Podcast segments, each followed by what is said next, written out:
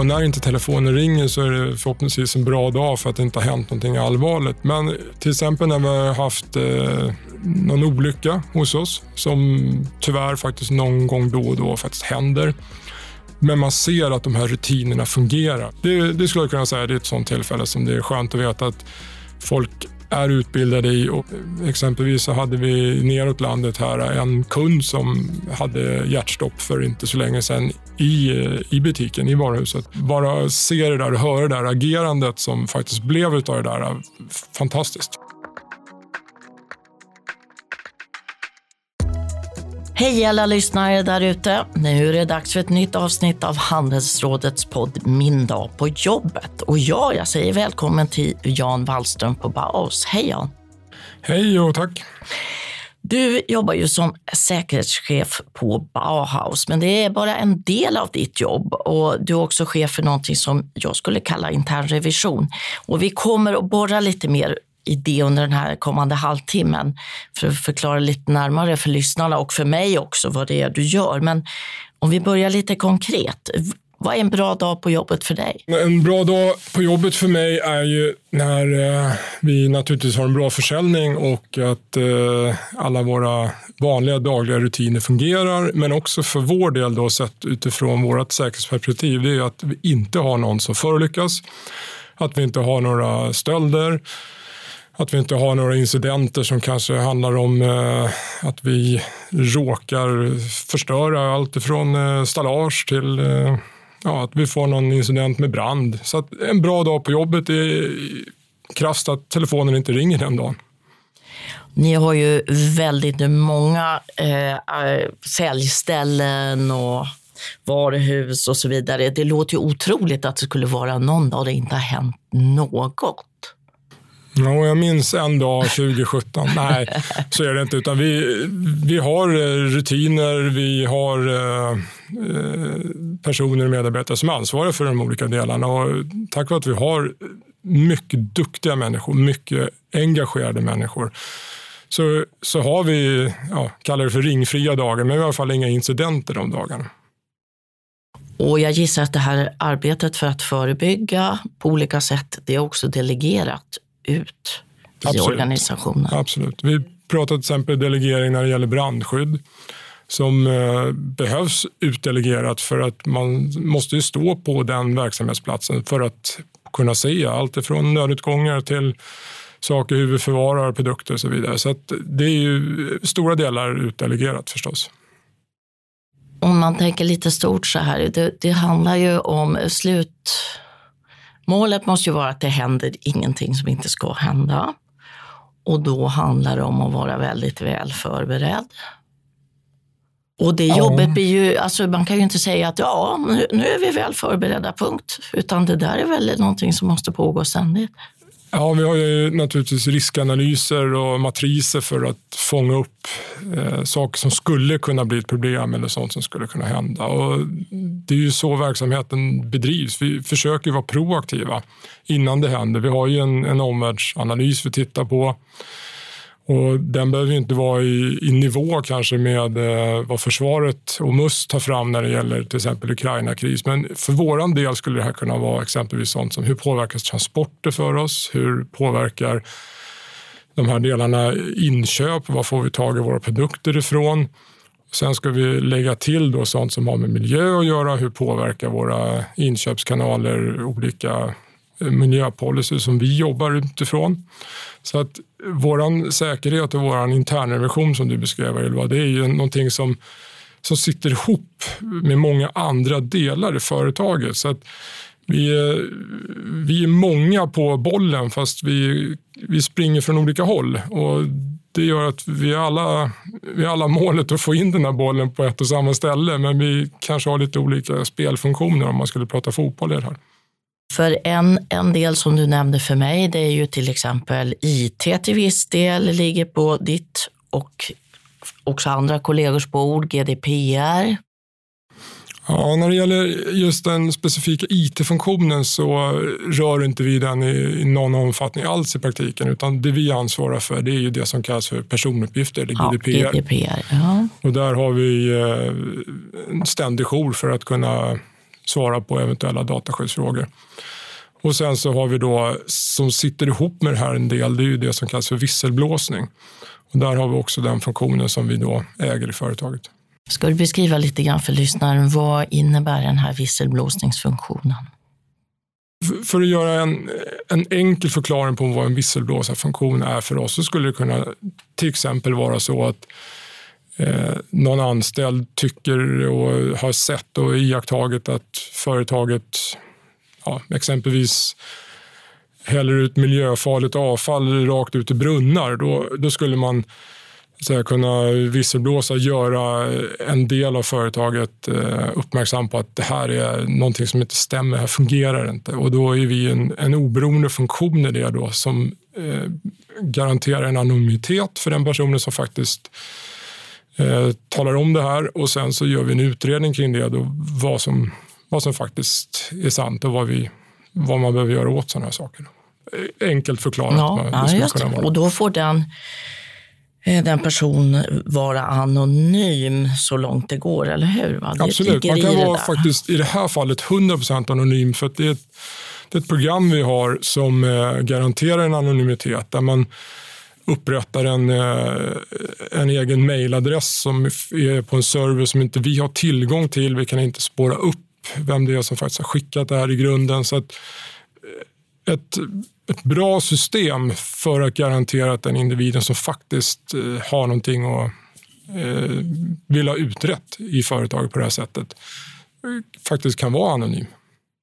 Ska vi gå tillbaka till USA det här med omvärldsanalys och det kan jag tänka mig att det gör du tillsammans med dina kollegor då. Vi säger vad händer med en ny pandemi med tillgång till varor, logistik och så vidare. Hur ofta är det, är det en sån analys som görs kontinuerligt eller är det så här att ja, men en gång i kvartalet så sätter vi oss och sen har man kanske samlat på sig lite funderingar? Och... Mm, jag tänker det medan du frågar. Det, mm. det är en bra fråga. Vi, för att backa ett par år tillbaka så gjorde vi en, eh, en analys när det gällde pandemin.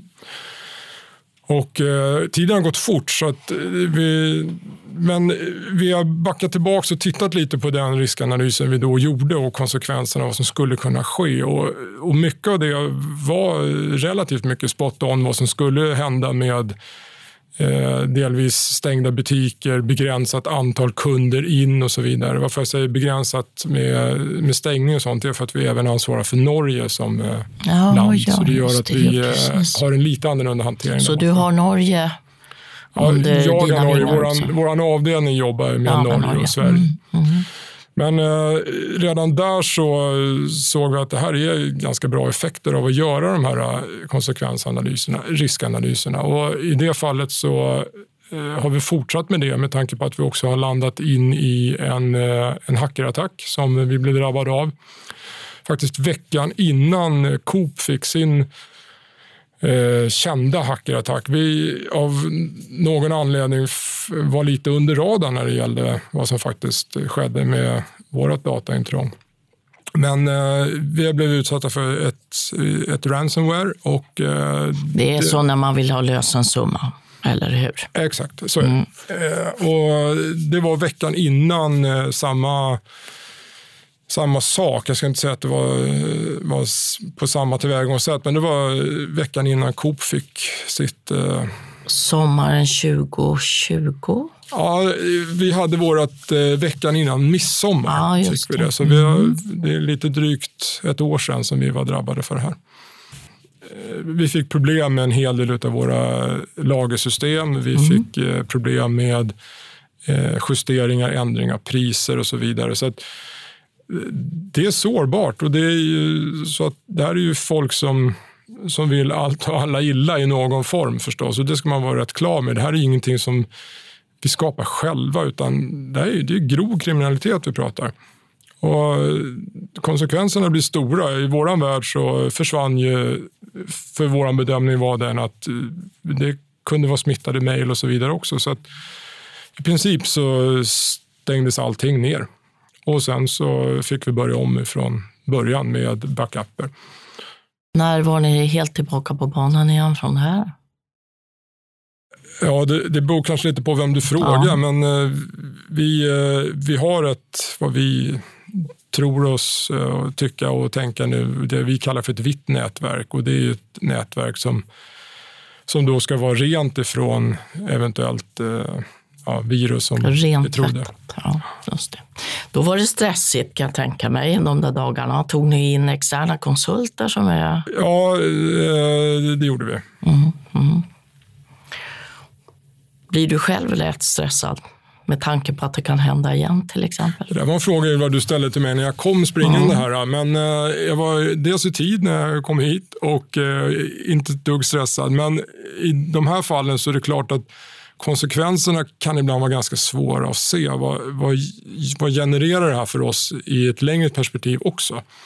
Så att det är klart att vi får en, en förhöjd ja, puls när de här sakerna händer och det blir kanske lite annorlunda arbetstider ibland då förstås. Men det, det ligger lite i uppdragets natur.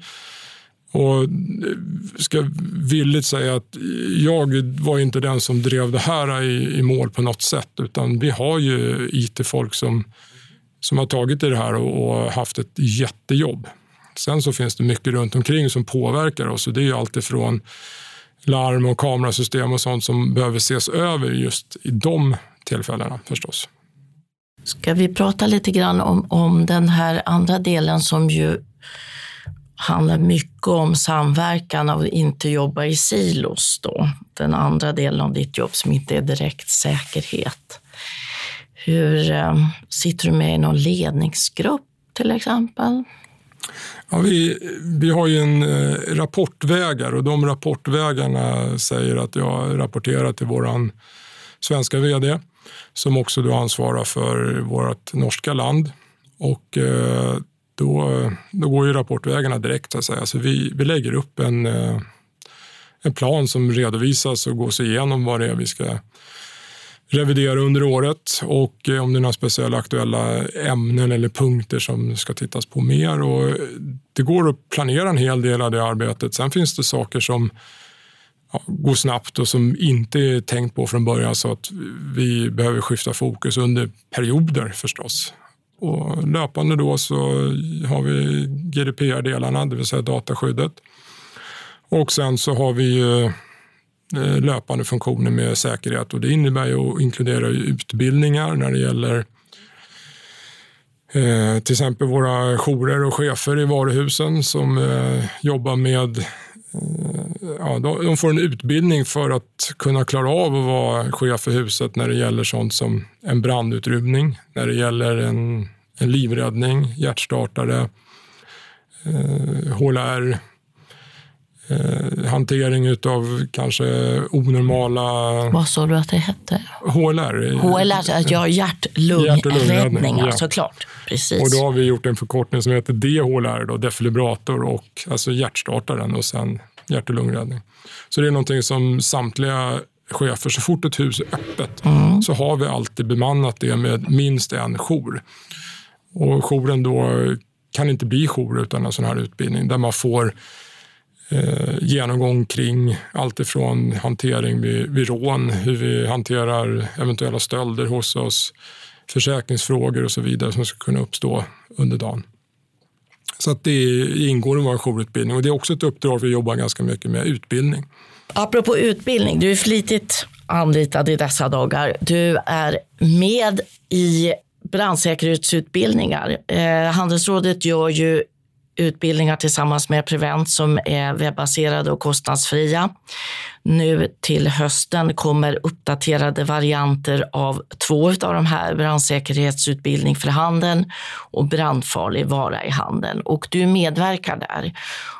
Och du har också berättat för mig här att ni använder de här utbildningarna flitigt hos er på Bauhaus. Mm, det stämmer det. Vi använder de här äh, utbildningarna som en grund när jag väl påbörjar min anställning på Bauhaus. Och eh, sen så har vi en, en, del, eh, en del varor helt enkelt som är brandfarliga i vår verksamhet som vi säljer. Det kan vara allt ifrån eh, limtuber, färger, det kan vara sånt som exempelvis trädgårdsbensin. Och det gör att vi behöver ju föreståndare för brandfarlig vara i våra verksamheter. Och de utbildningarna jobbar vi också med och då är det här med Prevent en alldeles utmärkt idé att kunna se till att vi får en digital grund och sen så kompletterar vi det med några egna delar som vi anser att vi behöver ännu lite till fakta kring. Litiumbatterier blir allt vanligare. Mm, Litiumjonbatterier är någonting som vi hittar frekvent i det här som till exempel är skruvdragare eller borrmaskiner. Eh, mycket av våra trädgårdsredskap i form av lövblåsare, även motorsågar börjar komma batteridrivna. Och här är ju branschen, det har gått väldigt fort och då är det kanske inte bara vår bransch utan det är ju sånt som har med ja, elcyklar och allting att göra. De här batterierna eh, finns det anledning att tro att de eh, vid en eventuell brand gör, eh, släpper ifrån sig farliga gaser helt enkelt och svårsläckta. Och därför har vi eh, i vår verksamhet skruvat det här till att vi tittar på lite nya former av brandsläckare till exempel. Och det är för att vi ska kunna eh, släcka det här så fort som möjligt. Och det, är, det är en utmaning att få det här att sitta hos allt och alla och kunna hantera det här. De var också stöldbegärliga förstod jag. Ja, då kommer vi in på en annan fråga som också är en stor fråga för oss och det är ju det här med att alla kanske inte har ambitionen att betala för det när man kommer in till oss. Och beklagligt. Och här är ju kanske det är en stor samhällsdebatt också med vad brottslighet och sånt tar oss någonstans idag. Och det här är ju en stor fråga för många handelsbolag idag där vi blir av med saker, vilket är långt ifrån okej. Okay. Det är ju också en arbetsmiljöfråga. I allra högsta grad. Vad är sagt kring hur mycket ni anmäler? Vi har ju vad vi kallar för nolltolerans kring stölder. Och det gör att alla stölder ska polisanmälas. Punkt slut.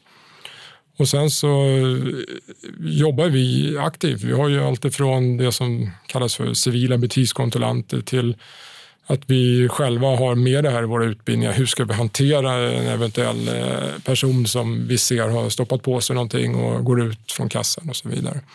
Men det här är ju, precis som du själv är inne på, Ylva, det är ju en, en arbetsmiljöfråga i, i stort. Jag kommer att tänka på, apropå batterierna, därför man, har man köpt någonting hos er så kan man ju lämna tillbaka utkänt vara, eller hur? Det stämmer. Det. Finns det några säkerhetsaspekter på det? Just till exempel kring batterier eller att eh, man lämnar in något som är halvfullt med diesel eller vad det nu kan vara. Ja, då kommer vi in på det här som jag nämnde lite tidigare här att vi har ju avdelningar som vi själv pratar om som inte är stuprörsstyrda utan vi behöver varandras kunskaper. Vi har ju en eh, miljöansvarig då som, som jobbar med och sätter upp regler för hur vi ska hantera saker, datasäkerhetsblad, Eh, miljöstationer, batteriåtervinning.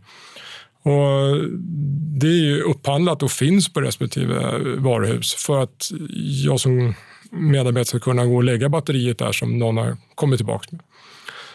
Men det där är viktigt att finna rutiner för så att säkerhet för oss det sitter ihop med så mycket i vår dagliga verksamhet som vi kanske många gånger inte tänker på att det faktiskt gör. Kan du ge något konkret exempel på eh, någon gång när det faktiskt ringde och du känner att du och dina kollegor, ah, men här gjorde vi skillnad. Eller här gick det ju riktigt bra därför vi hade tänkt så här i förväg. Ja, nu skulle jag vilja svara ja på en gång. Jag hade många sådana exempel, men det, det har jag inte riktigt funderat på det sättet. Men eh, det var det jag var inne lite på. När inte telefonen ringer så är det förhoppningsvis en bra dag för att det inte har hänt någonting allvarligt. Men eh, till exempel när vi har haft eh, någon olycka hos oss som tyvärr faktiskt någon gång då och då faktiskt händer. Men man ser att de här rutinerna fungerar. med Exempelvis så hade vi neråt landet här en kund som hade hjärtstopp för inte så länge sedan i, i butiken, i varuhuset. Och eh, våra, det, vid det tillfället var det, det var ett antal jourer på plats samtidigt. Och bara se det där och höra det där agerandet som faktiskt blev av det där, fantastiskt. Och, ja, det, var, det, det skulle jag kunna säga det är ett sånt tillfälle som det är skönt att veta att folk är utbildade i och lite till mans känner sig lite trygga i. Det, det är en skön känsla. Efter en sån där händelse, blir får man något Eh, det blir fingsnack med närmaste chef? Eller? Ja, vi har någonting som heter eh, krisgrupp hos oss som engageras i alla de fall där vi bedömer att här behöver vi ha ett uppföljningssamtal eller fler uppföljningssamtal eller koppla in eh, psykolog eller stöd i någon form. Och där har vi spritt i landet då det vi kallar för operatörer som aktiveras via vår eh, krisgrupp. Då. Inte bara det att du jobbar nära folk och organisationer, men du har också några medarbetare extra nära dig, för du har ju personalansvar också. Ja, verkligen. Det är så att vi eh, försöker bli eller rätt sagt, vi är tvungna att bli specialister på lite olika områden. Så att, eh, jag har eh, ska jag säga, lyckats rekrytera de som är, bäst för uppdraget. Det är ju så att säga väldigt kompetenta människor som är, som är duktiga på sina områden och eh, jobbar mycket i verksamheten med just de delarna och sen så tillika uppgifter i form av övrig säkerhet och utbildningar och sånt också. Men mycket duktiga spjutspetsar ska jag säga. Själv, om du eh, skulle vara tvungen att välja precis nu, vilket är det mest stimulerande jobbet? Är det, det här att vara ledare eller att själv vara expert? Det sköna är nog om man har möjlighet att vara ledare och se att andra människor utvecklas. Det skulle jag säga är det korrekta svaret. Och det andra är bara på något sätt att jag själv möjligtvis är duktig på någonting men det ger ingen tillfredsställelse på det sättet annat än att kunna flytta över den här kunskapen och se andra utvecklas. Det skulle jag säga, det är nog faktiskt det skönaste. Vad var, var det som tog dig till Bauhaus? Vad har du jobbat med tidigare? nu har jag eh, varit eh, med ett avbrott 16 år på Bauhaus. Så att eh, börjar väl, som vi säger, bli någorlunda varm i kläderna. Vi har en lång startsträcka i vårt företag. Så här, många, många jobbar länge och mm. Cool. Många skulle jag, skulle jag säga trivs väldigt bra ja, på jobbet. Ja, det är en mm. härlig miljö att verka och jobba i. Och den, det visar sig att många Många är länge på mm. arbetet. Vi, vi gillar företaget. Eh, om vi backar då innan dess så jobbade jag på någonting som hette Apoteket och deras säkerhetsavdelning. Och innan dess så eh, jobbade jag i eh, livsmedelsbutik, en av eh, Sveriges då femte största, inne på Kungsholmen. Vad var din uppgift där? Där var jag någonting som kallas för affärschef. Så att, under ägaren så drev jag butiken. Då. Och där var vi 215 anställda så att där är det ju en väldigt, ett väldigt direkt ledarskap för det är i samma väggar allting sker, inom de väggarna. Du har en gedigen handlarbakgrund också.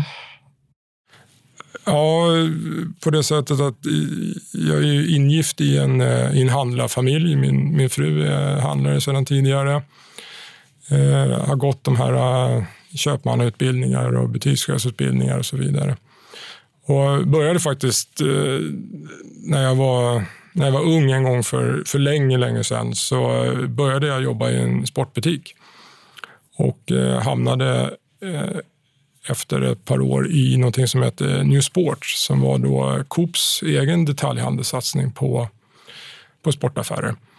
Och där drev jag en av de enheterna då som eh, i det fallet låg i Globen, i det köpcentret. Just det. Vad har du pluggat? Eh, jag har pluggat allt annat ska jag säga än, eh, än handel från början. Utan jag har gått eh, något som heter fyraårig teknisk med inriktning på eh, programmering i C bland annat. Då fanns inte C+, utan då hette det bara C på den tiden.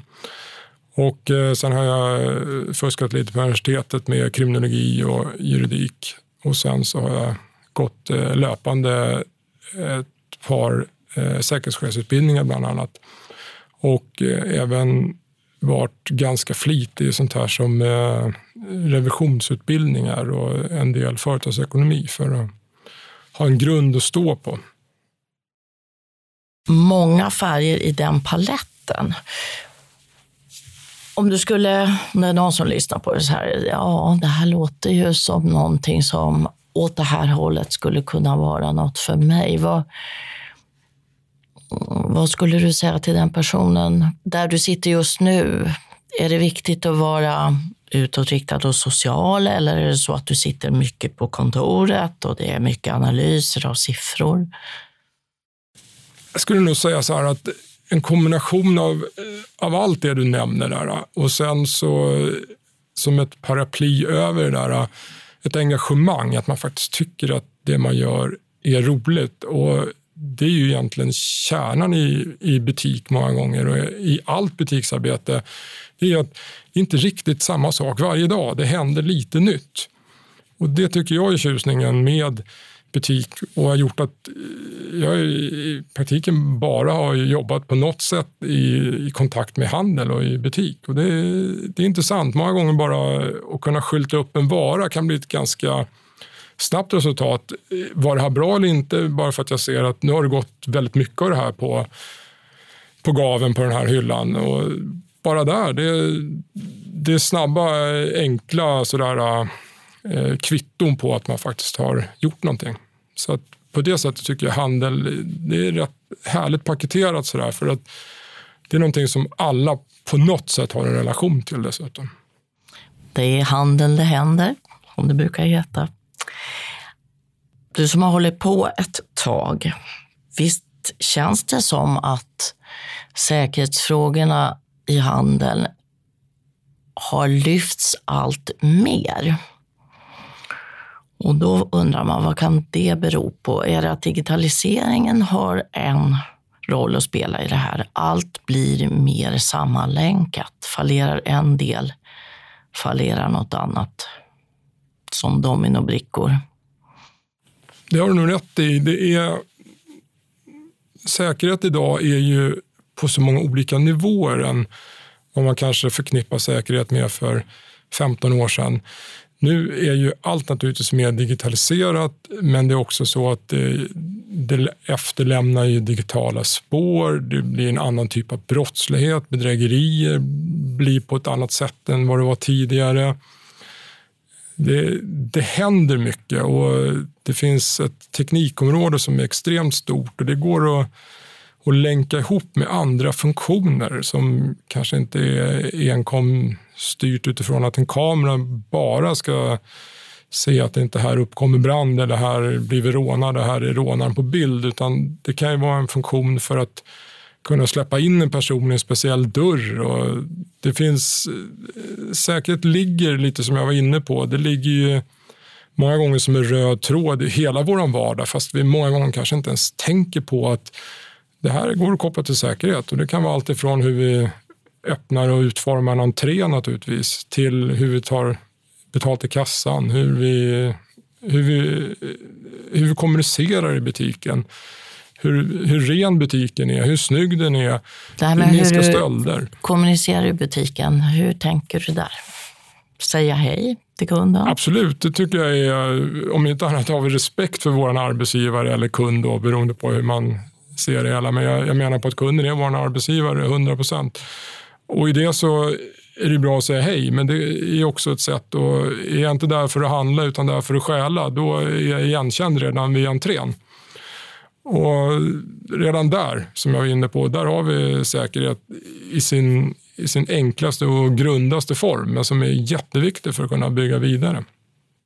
Jag tänker så här också, om, om man har eh, som aktör i handeln har hyfsat koll på olika aspekter och säkerhetsfrågor, är inte det ett ganska bra mått på att man har koll på mycket annat också i sina processer? Ja, jag kan bara svara för Bauhaus, mm. men jag, jag inser ju att man ser ju behovet av att säkerställa rutiner, ser behovet av att sända signal till våra medarbetare att vi faktiskt bryr oss om dem. Och det är bara en sån enkel sak som att vi har hjärtstartare i alla våra varuhus exempelvis. Vi har två månader kvar innan året är till ända. Eh, om du tänker på eh, resten av 2022, vad är det roligaste du kommer att göra på jobbet då, tror du, idag? Ja, det roligaste för mig att göra på jobbet de här sista månaderna innan vi, vi får ett nytt år, det är om vi kan göra ett bokslut som säger att vi inte haft några stora personskador, inga, inga rån hos oss. Det skulle jag säga är övergripande faktiskt det, det roligaste i min roll. Sen finns det ju lite mer hands-on, att vi har kommer en försäljning som är fantastisk. Det kommer ju en Black Friday här som... Ja, absolut. Det gör det också som sagt. Är, att vi har en stor försäljning är ju fantastiskt eh, roligt naturligtvis, för det är en förutsättning för oss. Allt ifrån att driva säkerhet till att faktiskt ha våra varuhus öppna. Så att det, naturligtvis är det det största och sen så är det ju saker som att kanske få vara delaktig själv och hjälpa till och sälja lite julgranar och sådär. Ja, du gör det och hoppar in och gör det ibland. Jag, jag försöker verkligen vara där och det brukar ofta sluta med att jag eh, hamnar på lagret och, och städar på lagret. Men eh, nej, jag, jag, brukar, jag brukar försöka vara ute så mycket jag bara kan i varuhusen och alla kunder jag ser, det, det är en fråga om man behöver någon hjälp eller hittar man det man ska ha. Härligt. Då håller vi utkik efter dig i de här brandutbildningsfilmerna som kommer till hösten. Jag tackar dig Jan för att du kom hit till vår poddstudio. Flera avsnitt av den här podden finns ju eh, bland annat på Spotify och på Handelsrådets Youtube-kanal. Och vill man undersöka fler spännande yrken i handeln så går man företrädes in på yrkeskartan.se. Vi hörs snart igen. Hej då!